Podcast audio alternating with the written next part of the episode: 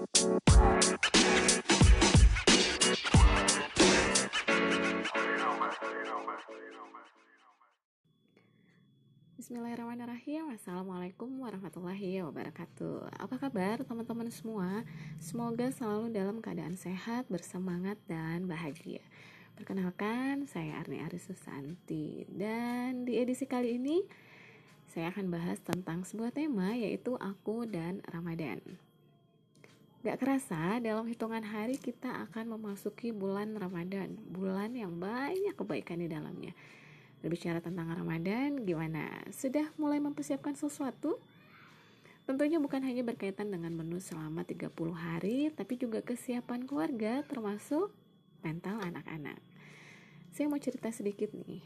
Di rumah, pola puasa yang saya dan suami terapkan adalah full sampai maghrib, meskipun anak-anak baru belajar.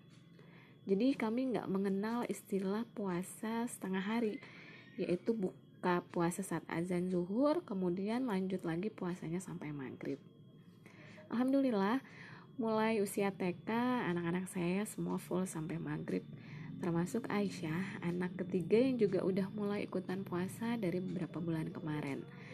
Mereka puasa selama 14 jam juga gak langsung lancar, tapi ada aja tantangannya dan diawali dari pembelajaran. Diajak dulu untuk puasa, sunnah, entah itu Senin Kamis ataupun Yaumul Bid.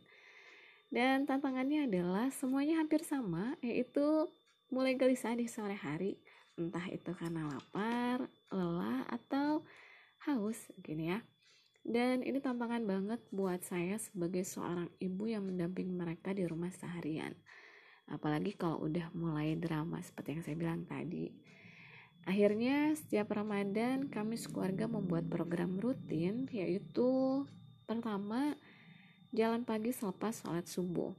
Biasanya setelah ngaji, murajaah, kami ya rombongan jalan-jalan e, keliling rumah, belakang rumah supaya anak-anak nggak ngantuk. Godaannya tuh kalau habis subuh apalagi puasa itu kan ngantuk ya pengennya rubahan nah jadi untuk menghilangkan rasa kantuk itu kita sekeluarga jalan-jalan pagi. Yang kedua adalah mengumpulkan printable atau bebikinan nah ini biasanya suami yang cukup rajin untuk ngumpulin dan untuk aktivitasnya biasanya saya dan mendampingi anak-anak setiap harinya entah itu bikin sesuatu mengerjakan sesuatu atau praktek melakukan sesuatu hal. Nah, kegiatan ini dilakukan untuk mengalihkan rasa lapar. Biasanya di hari pertama dan kedua itu tubuh anak-anak sedang beradaptasi.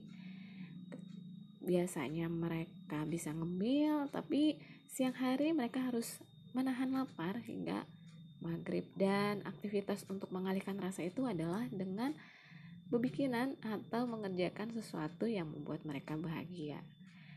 Yang ketiga adalah ngajak anak-anak bikin takjil atau menu buka puasa. Meskipun ujung-ujungnya dapur jadi rame, lebih heboh dan banyak barang yang di mana-mana gitu ya. Tapi seru aja ngeliat mereka bahagia mempersiapkan sesuatu yang akhirnya mereka makan nantinya ketika buka. Itu adalah beberapa program yang setiap tahun keluarga kami lakukan. Meskipun kadang di tengah jalan anak-anak tuh suka menyampaikan sebuah ide kreatif yang kayaknya suruh juga kalau misalkan dilakukan meskipun itu di awalnya tidak ada dalam list gitu ya. Nah, tentunya setiap keluarga memiliki konsep dan pola masing-masing. Tidak bisa disamakan antara satu dengan yang lain.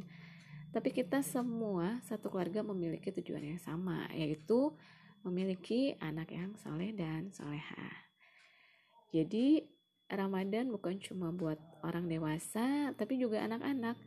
Karena dari bulan ini mereka bisa belajar banyak hal, belajar lebih empati, kemudian juga bersabar menikmati setiap prosesnya, dan akhirnya bisa menjalani bulan Ramadan dengan penuh kegembiraan dan bahagia. Bisa jadi juga mereka nantinya akan rindu sesudah Ramadan itu selesai ya. Ya itulah beberapa tips. Semoga bermanfaat dan kita semua bisa bertemu dengan bulan Ramadan dan menjalani aktivitas penuh kebaikan dengan semaksimal mungkin. Terima kasih buat yang sudah menyimak. Saya Arni Ari Susanti. Wassalamualaikum warahmatullahi wabarakatuh.